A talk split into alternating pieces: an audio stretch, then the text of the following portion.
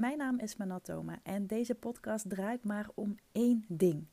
Hoe word jij online opgemerkt met jouw kennis en expertise? Zonder trucjes en poespas, maar door gebruik te maken van het meest simpele en krachtige wapen wat er maar bestaat: positionering en personal branding. Nou, zoals jullie uh, waarschijnlijk wel weten of hebben meegekregen, zijn wij bezig met ons huis in Arnhem te verkopen. En ehm, ja, dat doen we eigenlijk met een aantal redenen. We hebben al, uh, al een aantal jaar dat we, dat we zeggen, ooit willen we weer terug naar onze roots. Dan willen we terug naar, uh, nou, naar Limburg. Daar hebben we meer ruimte, meer plek, meer, ja, meer rust. Ik uh, woon echt ontzettend graag in Arnhem. Ik woon echt op een steenworp afstand van, van het bos. Dus ik loop daar zo naartoe. Vijf minuutjes ben ik er. En als ik de andere kant op fiets, dan uh, sta ik in vijf minuten in het centrum. En uh, ja, alles dichtbij, supermarkten, bioscoop, park. Ja, het is, in de stad is het gewoon heel erg comfortabel leven eigenlijk. Maar um, ja, ik merk wel dat ik, dat ik echt weer verlang naar, naar ruimte en rust. En onze droom is echt een, iets van een woonboerderijtje-achtig iets uh, te vinden. En dat moet dan ook nog eens helemaal gemoderniseerd zijn, want klussen en zo, dat, uh, daar ga ik echt niet aan beginnen. Maar ja, of dat nu al haalbaar is in deze tijd, dat weten we niet. Dus misschien dat we eerst iets ja, kopen met een tussenfase. En dat dat dan misschien een huis wordt wat we op den duur willen verhuren. Want dat is ook echt een ja, een doel van ons, zeg maar. En uh, in mijn vorige podcast had ik het daar natuurlijk ook over. En ja, dit is er dus één van ons. Maar daar gaat deze hele podcast eigenlijk niet over. Dus voordat ik weer helemaal ga, ga afwijken van, van het onderwerp. Um, ik wil het met je hebben over dat je met enthousiasme nog geen klanten hebt. En dat heeft dus wel te maken met ons huis. Wij hadden ons huis na twee weken al verkocht. Dus we hadden het huis twee weken te koop staan. En uh, we zijn toen twee of drie dagen geweest met, uh, met mensen die... Uh, ook die gaat de kussens van de bank afgooien. Maar goed, waar was ik? We hadden twee of drie dagen met, met kijkers. Dus mensen die kwamen kijken. En er was op een gegeven moment een bod gedaan wat echt uh, ja, best wel uh, flink boven de vraagprijs nog lag. Uh, wat natuurlijk wel echt fantastisch was, maar wat ook al heel snel helaas bluff bleek te zijn. Dus die, die mensen hadden, ja, om het zo maar te zeggen, gewoon maar wat geroepen. In de hoop dat ze, ehm, ja, dat ze in ieder geval opgebeld zouden worden. En ja, dat, dat bleek dus al heel snel dat ze toch al direct zeiden van nee, we zien er toch vanaf. Want ehm, ja, we hebben dat geld helemaal niet, uh, bla bla bla. En toen hadden we nog een ander bod uh, liggen en uh, dat waren ook van mensen hier uit de buurt. Ook een, ook een stel, volgens mij hadden ze ook een, een kindje of een iets ouder kind al van een jaar of twaalf, weet ik eigenlijk niet meer zo goed. En die waren laaiend enthousiast over dit huis. Ze waren er helemaal verliefd op. volgens de makelaar waren ze echt ja, hadden ze een bod, was ook meteen erbij van hè, dit is wel echt ons laatste bod, want meer is er gewoon niet, maar om aan te geven dat we het heel graag willen. En uh, nou, kortom, ze waren ontzettend enthousiast en blij en happy en noem het maar op. Maar wat bleek nu? Zij kregen dus te horen dat ze het alsnog uh, zouden krijgen van ons. Of ja, krijgen. en ruil voor het geld natuurlijk. Maar dat zij dus de gelukkigen waren die, uh, ja, waarvan we het bod uh, hadden geaccepteerd. En um, ja, daar waren ze echt, dat kregen ze voor het weekend toen ook op een vrijdag te horen. Dat is nu alweer uh, twee weken terug, als ik me niet vergis. En um, ja, die waren natuurlijk mega excited, super uh, in hun nopjes en uh, nou ja, fantastisch. En de weken gingen voorbij. We hadden een afspraak om te gaan tekenen. En uh, dat tekenen, dat, zou, dat hadden we dan in overleg, want dat, ja, dat moet je dan samen doen. Zou dat vorige week maandag zijn. Dus er zaten ongeveer, even uit mijn hoofd, iets van twee weken tussen voordat, het, uh, voordat ze überhaupt zouden tekenen. Nou, nu belden ze uh, de vrijdag uh, op vanuit de makelaar van hey, er, een van hun twee is positief getest. Um, of, of zit al in quarantaine en is inmiddels, hoe zeg je dat, um, weer een soort van genezen verklaard. Of nou, ik weet even niet meer hoe het zat. Waarop ik zei van, joh, eh, allemaal leuk en aardig, maar ik ben longpatiënt, dus ik, eh, ik wil wel echt zeker weten dat het, uh, ja, ik, ik ga het niet opzoeken, laat ik het zo zeggen. Ik ben helemaal niet bang voor corona, ben ik heel in het begin wel even geweest hoor, maar nu ik, ik, ik ben ook gevaccineerd. En nou, ik, ik, maak me er niet zo heel druk om, maar als ik weet dat iemand het heeft, zal ik er niet bewust naast gaan zitten. Laat ik het zo zeggen. Ik bedoel, dat, dat wil je met een simpel griepje of een, of snotterneus, wil je dat natuurlijk ook niet. Dus ik gaf dat toen wel aan van, joh, um, hè, zus en zo. Waarop de makelaar zei van, nou, weet je wat het is? Het is best een kleine ruimte bij ons, die, die ruimte om te tekenen. Dus dan doen we het even om en om. Dan laten we hun wat eerder komen en dan komen jullie gewoon uh, een half uurtje later. En dan kun je elkaar wel heel even zien in, de, in het kantoor. En dan wisselen we dan gewoon uh, af, om het zo maar te zeggen. Nou, zo gezegd, zo gedaan. Wij zaten braaf te wachten. Een beetje zitten kletsen met de mensen daar. En uh, de, de, nieuwe kopers kwamen naar buiten. Nou, helemaal blij met een flesje wijn in hun, in hun handen. En nog heel leuk mee zitten praten. En ze waren zo blij en dankbaar. En uh, nou, echt, het, het, was gewoon echt een jubelstemming. En nou, ze vroegen nog van, goh, hè, we wonen toch in de buurt, kunnen we misschien een keertje langskomen om alvast wat dingetjes op te meten? Natuurlijk, nou, helemaal geen probleem. Uh, nou, uiteindelijk zijn wij dus de ruimte ingegaan om te tekenen en, en gezegd, nou, tot gauw en fijn weekend. En, of nee, het was geen weekend, het, het was maandag zelfs nog, nou, fijne dag, bla bla bla.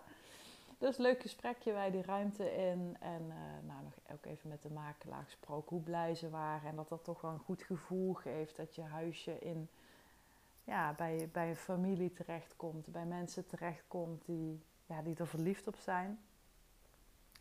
En uh, nou, wij natuurlijk drie kwartier lang uh, handtekeningen gezet. Uh, en blaadje voor blaadje moet je dat dan allemaal doornemen. Nou, ik ben dan best wel ongeduldig, want ja, ik geloof het dan allemaal wel.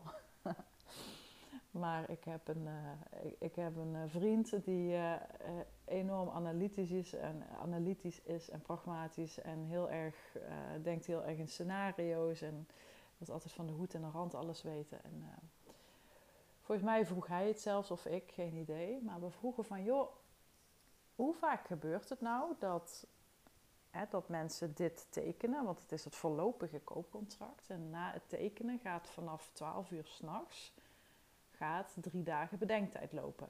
Dus wij gingen maandag tekenen, nou dan zou het maandagnacht op dinsdag ingaan.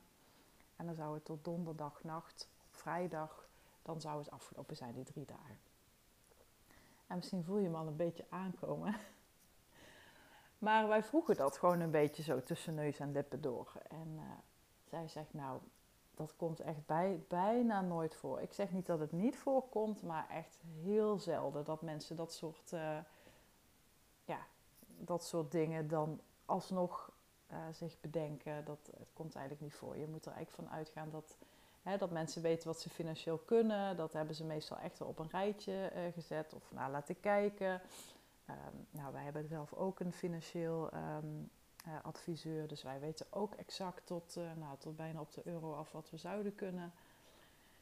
Uh, dus nee, daar hoef je helemaal geen zorgen over te maken bij deze mensen. Nee, bij deze mensen zou ik dat nooit zien gebeuren, want die zijn zo blij. En nou ja, dat dus. En wij dachten ook van ja, inderdaad, het, zal inderdaad nooit voorkomen. Want ja, die, die drie dagen zijn een beetje wettelijk verplicht. Maar eh, als mensen het willen, dan, uh, dan zal die drie dagen zal ze niet van hun stuk brengen. Het is meer een, ja, een wettelijke verplichting. Maar we hadden het gewoon gevraagd uit uh, interesse. Nou, een dag later, je gaat het waarschijnlijk al, kreeg ik een telefoontje van de makelaar. En die zei direct: Ik heb niet zo'n goed nieuws. En ik, ik zag, ik, ik, ik had niet door waar ze het over had. Want ik, ik had het letterlijk niet zien aankomen. En ze zegt, ze willen de koop ongedaan maken. Dus ik viel letterlijk stil. Ik dacht, hè? Maar we hebben getekend. We hebben een superleuk gesprek gehad. Ze waren enthousiast. Hoe kan dit nou? Nou, daar was de makelaar ook nog niet echt achter. Ze had, uh, en, en ik wil ook niet te veel in details gaan, want ik, ja, je weet nooit waar het terecht komt. Dus ik denk ook niet dat het echt heel erg gaat om de details. Maar waar we uiteindelijk wel een beetje op uitkwamen, is dat ze zich uh, toch wel verkeken hadden op de financiële situatie. Ook wel een beetje, ja, hoe, hoe zeg je dat netjes? Een beetje bleu waren als het gaat om hypotheken en geld en financiële draagkracht en wat er allemaal op je afkomt. En uh, ja, dat hadden ze zich opeens na het tekenen gerealiseerd. En uh, ja, dat was natuurlijk een enorme domper, want ja, wij waren al helemaal, hadden het al helemaal losgelaten en um, we hadden zelf op dat moment ook een bod uh, geplaatst op een, op een huis in Stevensweert, wat echt wel ja, redelijk richting ons droomhuis ging, om het zo maar te zeggen. Uh, er waren ook nog twee andere mensen komen kijken op ons, uh, in ons huidige huis. Maar die hebben we, nou, omdat we een bod hadden geaccepteerd, ook weer uh, afgepoeierd. Nou, daar, waren inmiddels ook weer een paar weken overheen. Dus die mensen waren inmiddels ook voorzien. En de ander um, had, ehm, die zei ook van nee, voor mij hoeft het nu niet meer. Of, of ik heb nu wat, of ik ben niet meer geïnteresseerd. Ik weet niet meer precies wat het was. Dus het had nogal wat... Um, ja, wat gevolgen, zeg maar, uh, zo'n uh, zo'n actie. En het is natuurlijk niet het einde van de wereld. Hè? Ik bedoel, het, het is een, een bizarre huizenmarkt. Het huis wordt zeker weten verkocht. Sterker nog, vandaag zijn er alweer mensen geweest en een paar dagen geleden ook weer. Dus dat, die, die, die aantrekkingskracht is er nog steeds. Maar het, het is natuurlijk wel romslomp. Hè? Je, je, gaat, je houdt je agenda vrij, iedereen houdt er rekening mee.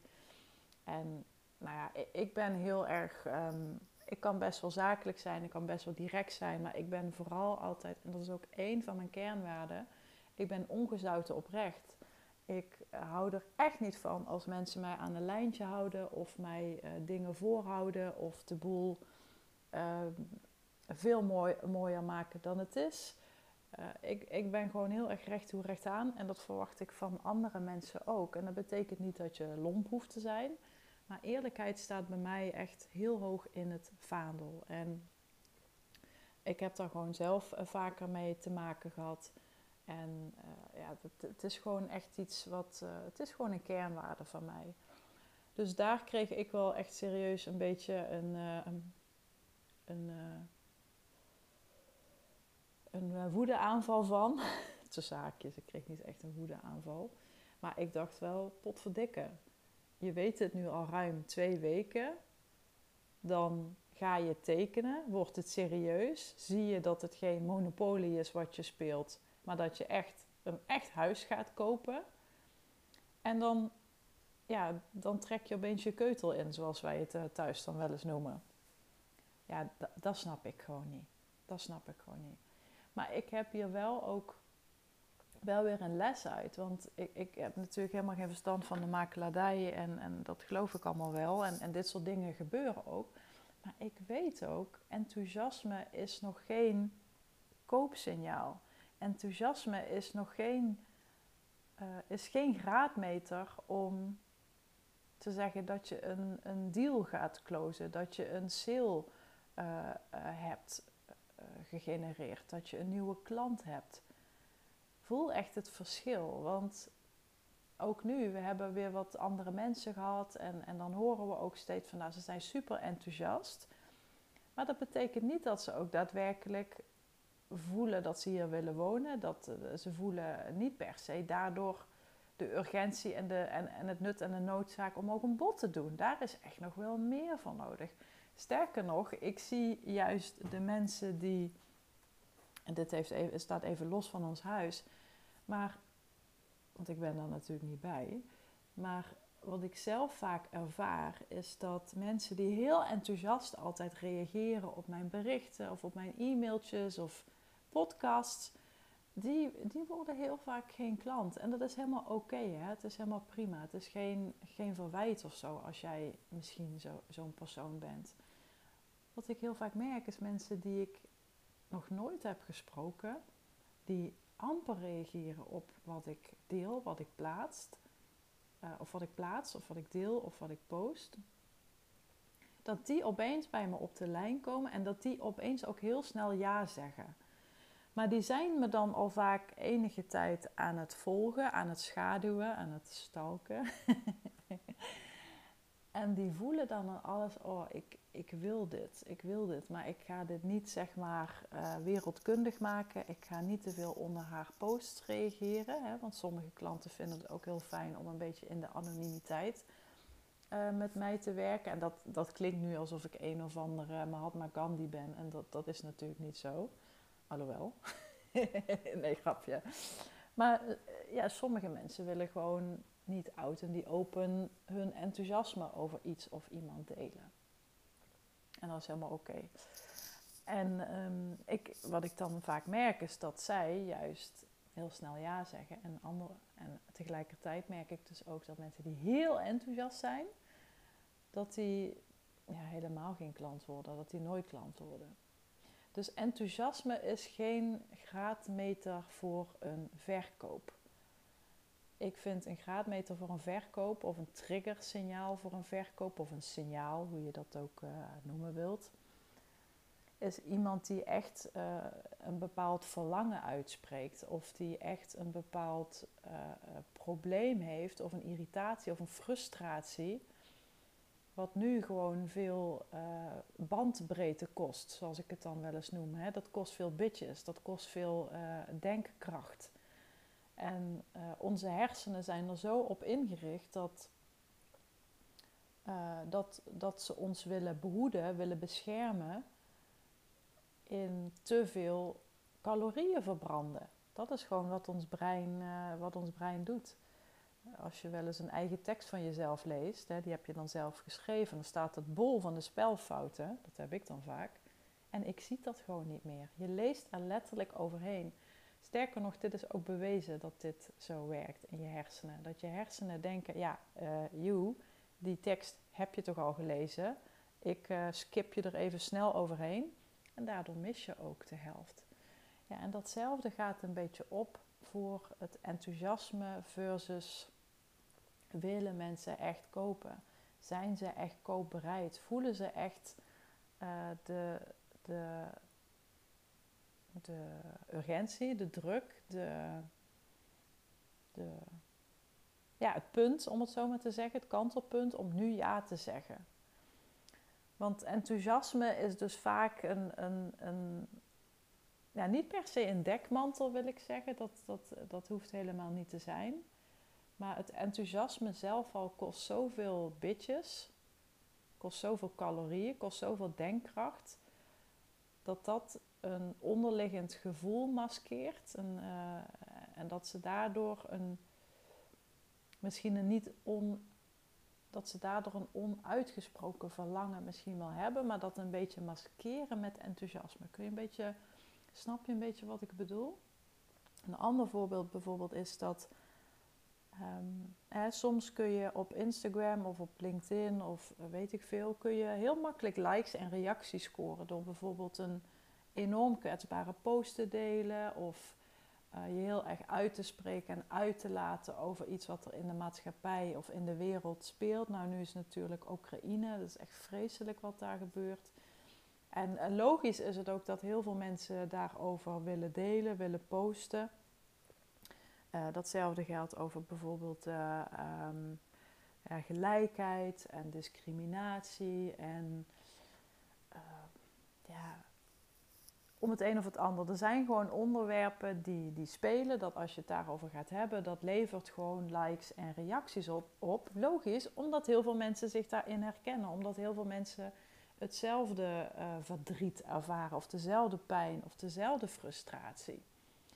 Dus dat levert heel veel enthousiasme op. En met enthousiasme bedoel ik niet per se blijheid, maar het kan ook zijn dat ze zich genoodzaakt voelen of gedwongen of voelen dat ze in ieder geval ook hun plasje over dat onderwerp willen doen. Dus zo kun je het ook opvatten.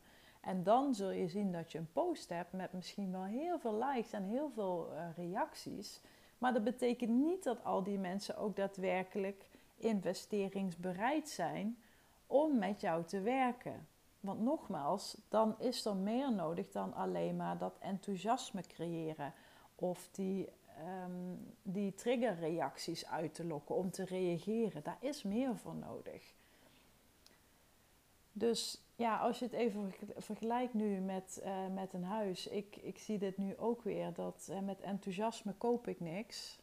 Um, en datzelfde gaat op voor, ja, voor jouw dienst of voor jouw product. En, en de manier hoe jij je marketing tussen haakjes doet. En kijk daar ook heel erg naar wat meet je, wat, wat telt er voor jou, wat ga je registreren. ga je de likes en de hartjes onder je post registreren? Of ga je registreren hoeveel adviesgesprekken je deze week in de agenda mag plannen? Of hoeveel nieuwe klanten je mag gaan opstarten? Dat is natuurlijk waar jij enthousiast van wordt. Dat is hetgene waar het uiteindelijk natuurlijk echt om draait. En los van het feit dat enthousiaste reacties en enthousiaste mensen natuurlijk hartstikke fijn zijn. Hè? Begrijp me niet verkeerd. Uh, enthousiasme is natuurlijk ook wel een, uh, een, een, een, graadmeter om in ieder geval te voelen dat uh, mensen iets bij je voelen. Laat ik het zo zeggen. Hè? Dus het zou wat anders zijn als je geen enthousiasme krijgt, maar alleen maar boegeroep. Dus zie enthousiasme ook zeker niet als iets verkeerds. Hè. Begrijp, me daarin ook niet, uh, begrijp me daarin ook niet verkeerd. Maar weet wel het verschil te voelen en te snappen en te ervaren tussen klanten die enthousiast zijn en klanten die koopbereid zijn. Daar zit echt een heel groot uh, verschil in. Nou, ik hoop dat deze podcast uh, je heeft geïnspireerd. Misschien heb je een aha-moment opgedaan. Misschien wel meerdere. Vind ik uh, heel erg leuk als je me dat uh, zou willen laten op Instagram. En mocht je deze aflevering waardevol vinden, maak er dan een printscreen van en laat die print, print screen up in je stories. Dus doe hem daar uploaden. En uh, delen met je netwerk zou ik zeggen. Vergeet me dan ook niet te taggen, want dan kan ik jou vervolgens ook weer delen in, uh, in mijn netwerk. Zou ik super leuk vinden. En mocht je nu laaiend enthousiast zijn over deze podcast, laat dan ook even een 5 sterren review achter op uh, Apple Podcast of iTunes. En op Spotify kun je volgens mij ook een. Um, een aantal uh, sterren weggeven als je dat zou willen. Ja, en mocht je nu weer meer willen horen van mij of meer willen leren van mij, of ben je gewoon heel erg benieuwd hoe ik jou kan helpen en hoe mijn programma er precies uitziet, wat het voor jou kan betekenen, stuur me dan ook even een berichtje, dan kunnen we uiteraard even met elkaar in gesprek gaan. Ik wens je een mooie dag, zet hem op, fire in the hole en spreek je later. Bye bye!